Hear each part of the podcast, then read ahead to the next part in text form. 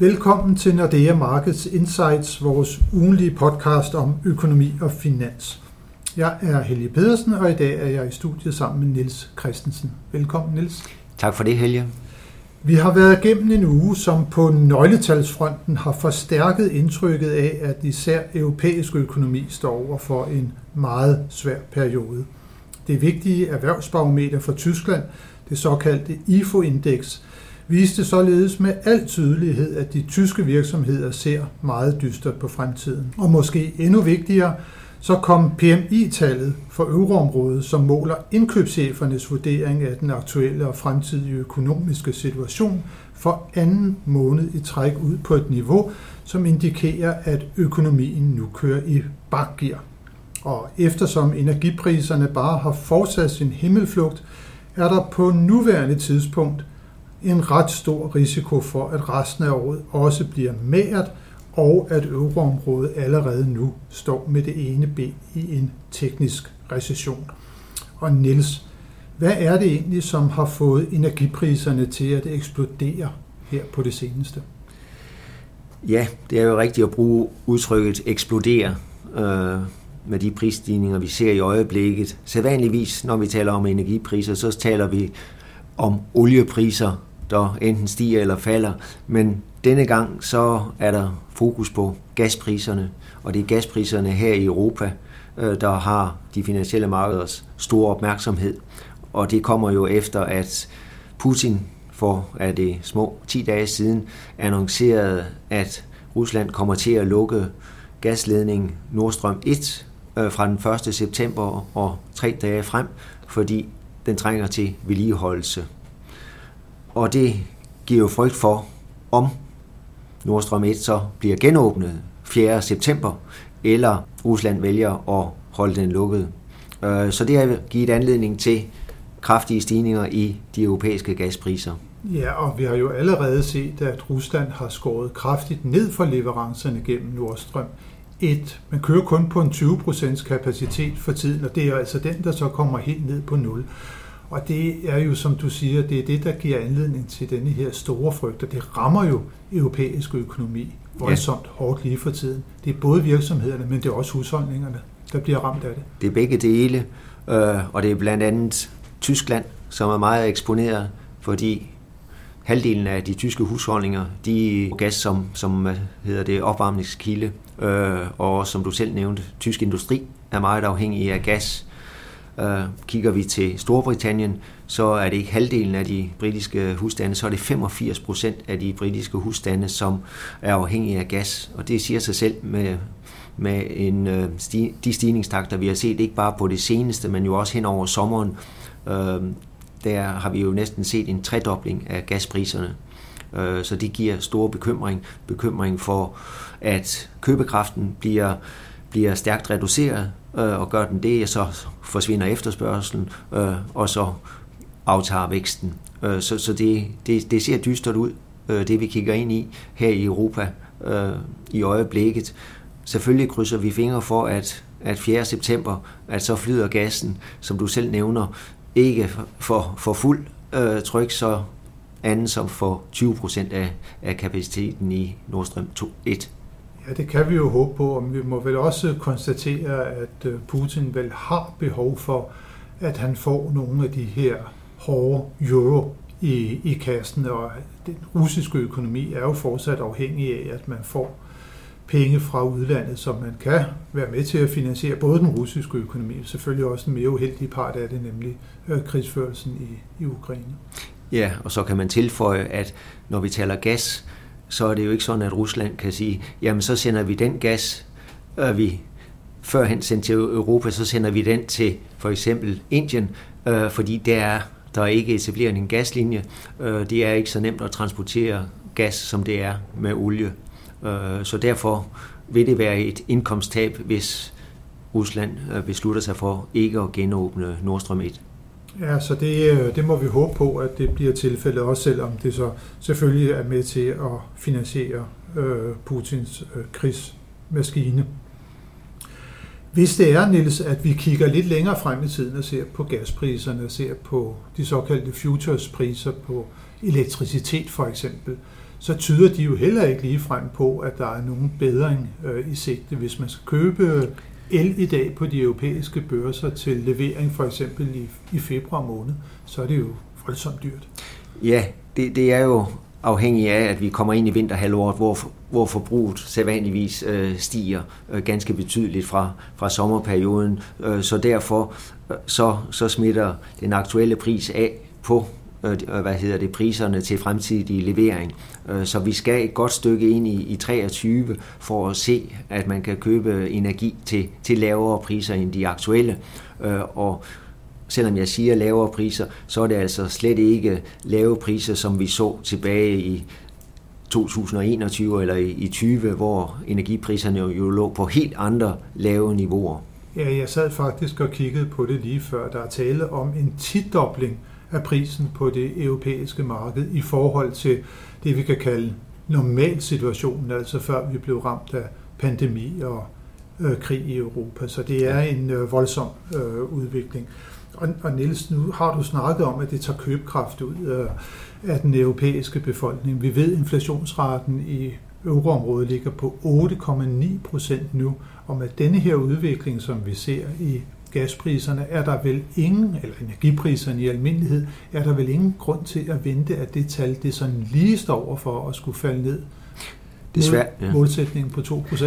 Nej, den, den ser noget utopisk ud. Uh, der kommer til at gå lang tid, før vi kommer ned til, uh, til målsætningen på 2%, som du siger.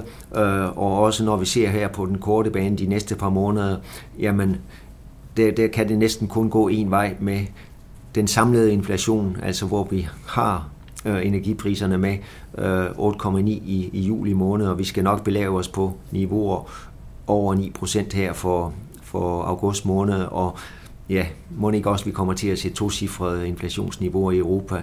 Det gør vi, medmindre gaspriserne falder hurtigt tilbage, og det, det er tvivlsomt. Ja, for nu nævnte du jo før situationen i Storbritannien, og der er inflationen jo nu blevet tocifret. Ja, øh, det seneste tal var 10, 10,1 for at være præcis. Øh, og før det blev offentliggjort, ja, der havde Bank of England forventning om, at inflationen i Storbritannien ville toppe i 13 procent i oktober måned. Der er en stor bank, der var ude og, og forudse, at inflationen i Storbritannien ville toppe helt op på 18 procent. Ja, det er virkelig voldsomme tal, som vi snakker om der. Er der et sted øh, i verden, hvor inflationen måske sådan er begyndt at, at tække nedad, så er det i USA, øh, hvor vi så en top øh, i juni måned på over 9%, og så faldt inflationen så i juli til 8,5%. Og der er jo meget fokus på situationen også i USA, og faktisk så afholdes der jo netop nu det her vigtige pengepolitiske symposium i Jackson Hole, og i eftermiddag, der går chefen for den amerikanske forbundsbank, Jerome Powell, jo på talerstolen, og indholdet i den tale, det er jo virkelig noget af det, som markederne de vil bide fast i. Og Niels, hvad skal vi vente os? Skal vi vente os af denne her aftagende inflation for J. Powell til at være sådan mere duagtig, eller vil Fed øh, sige, at øh, ingenting er sikkert øh, på nuværende tidspunkt, vi bliver nødt til at at stå op imod inflationen og fortsætte de pengepolitiske stramninger? Jeg tror, vi kan forvente, at Powell vil, vil sige rimelig klart, at Fed fortsat gør alt for at dæmpe inflationen, øh, og dermed lægge op til, at renteforhøjelserne jamen, de fortsætter med uformindsket kraft øh, i, i løbet af efteråret. Det er rigtigt, at inflationen lige ser ud til at have toppet i USA, og som, som jeg også nævnte, det er de europæiske gaspriser, det er de europæiske elektricitetspriser, som eksploderer. På grund af Putin? På, på grund af Putin, og ikke de amerikanske. Så, så det prispres har de ikke i USA, øh, så derfor kan det godt være, at vi har set toppen af inflationen, men Fed har sådan set også erkendt, at det underliggende inflationspres er mere vedvarende, end de har regnet med tidligere. Og den seneste jobrapport, vi fik fra USA, øh, var meget, meget stærk. Øh, over 500.000 nye job blev der skabt i juli måned, så det vil også gøre, at, at Fed er komfortabel med at stramme pengepolitikken, mens tid er. Så det tror jeg, det vil være signalerne. og det er også det, som når vi kigger på futures market, rente futuresen, jamen så de seneste 3, 4, 5 uger er de begyndt at genindprise aggressive forventninger til den amerikanske centralbank. Så ser vi på det næste møde eh, 21. September, ja, der står forventninger og vakler mellem, er det 50 basispunkter eller 75 basispunkter.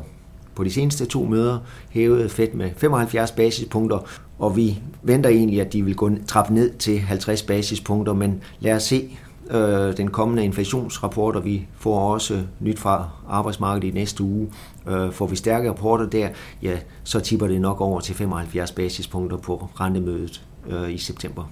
Ja, så netop det stærke amerikanske arbejdsmarked, som du har været lidt inde på, det har jo også allerede nu givet sig udtryk i en ret kraftig stigning i lønningerne i USA. Det er noget, som vi har lidt til gode i Europa.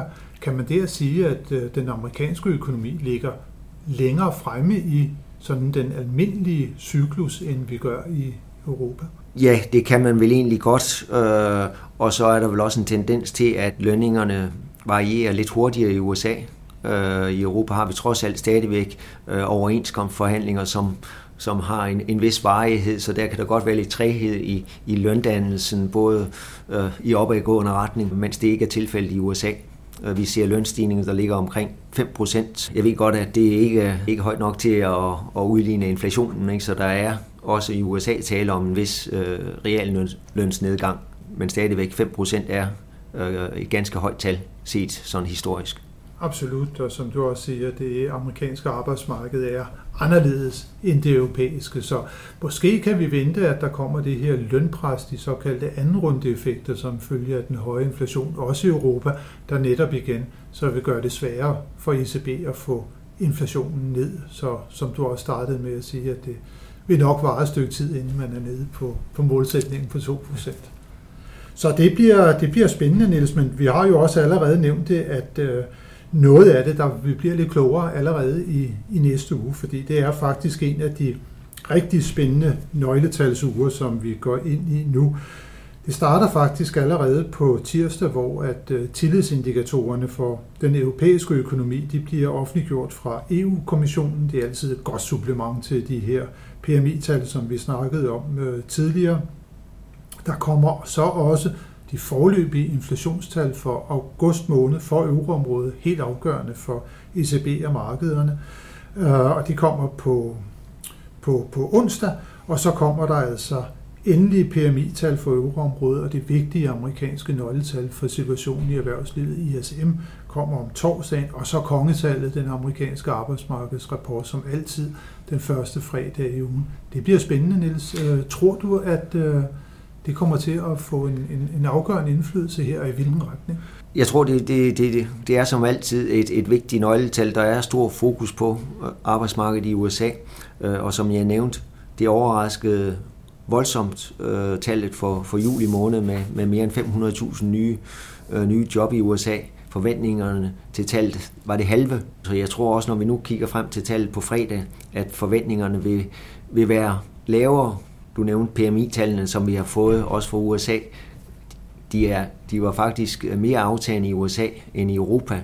Og PMI-tallene, vi har også fået andre tillidsindikatorer, øh, Philly Fed-indekset, øh, Chicago PMI, alt peger på, på aftagende optimisme og bekymring hos den, de amerikanske virksomheder. Så, så selvom der er mange ledige stillinger i USA, øh, så tror jeg ikke, at vi får et nyt tal over 500.000. Jeg tror måske nærmere, at vi kommer ned omkring de, de 300.000 øh, vil være mit bud. Det er ikke et dårligt tal, øh, men, men vil jo sammenholdt med, med tallet fra juli øh, være en afmatning.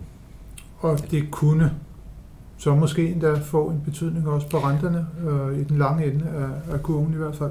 Hvis, ja, både den, den lange og egentlig også den korte med hensyn til forventningerne til det næste, det næste rentemøde i Fed, som jeg nævnte øh, 21. Mm. september.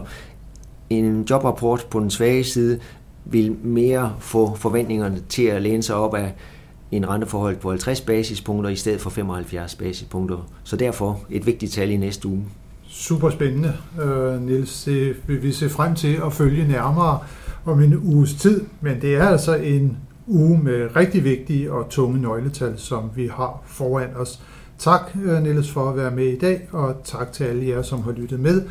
Det håber vi, at I også vil gøre, når vi er tilbage med nyt fra de finansielle markeder i næste uge.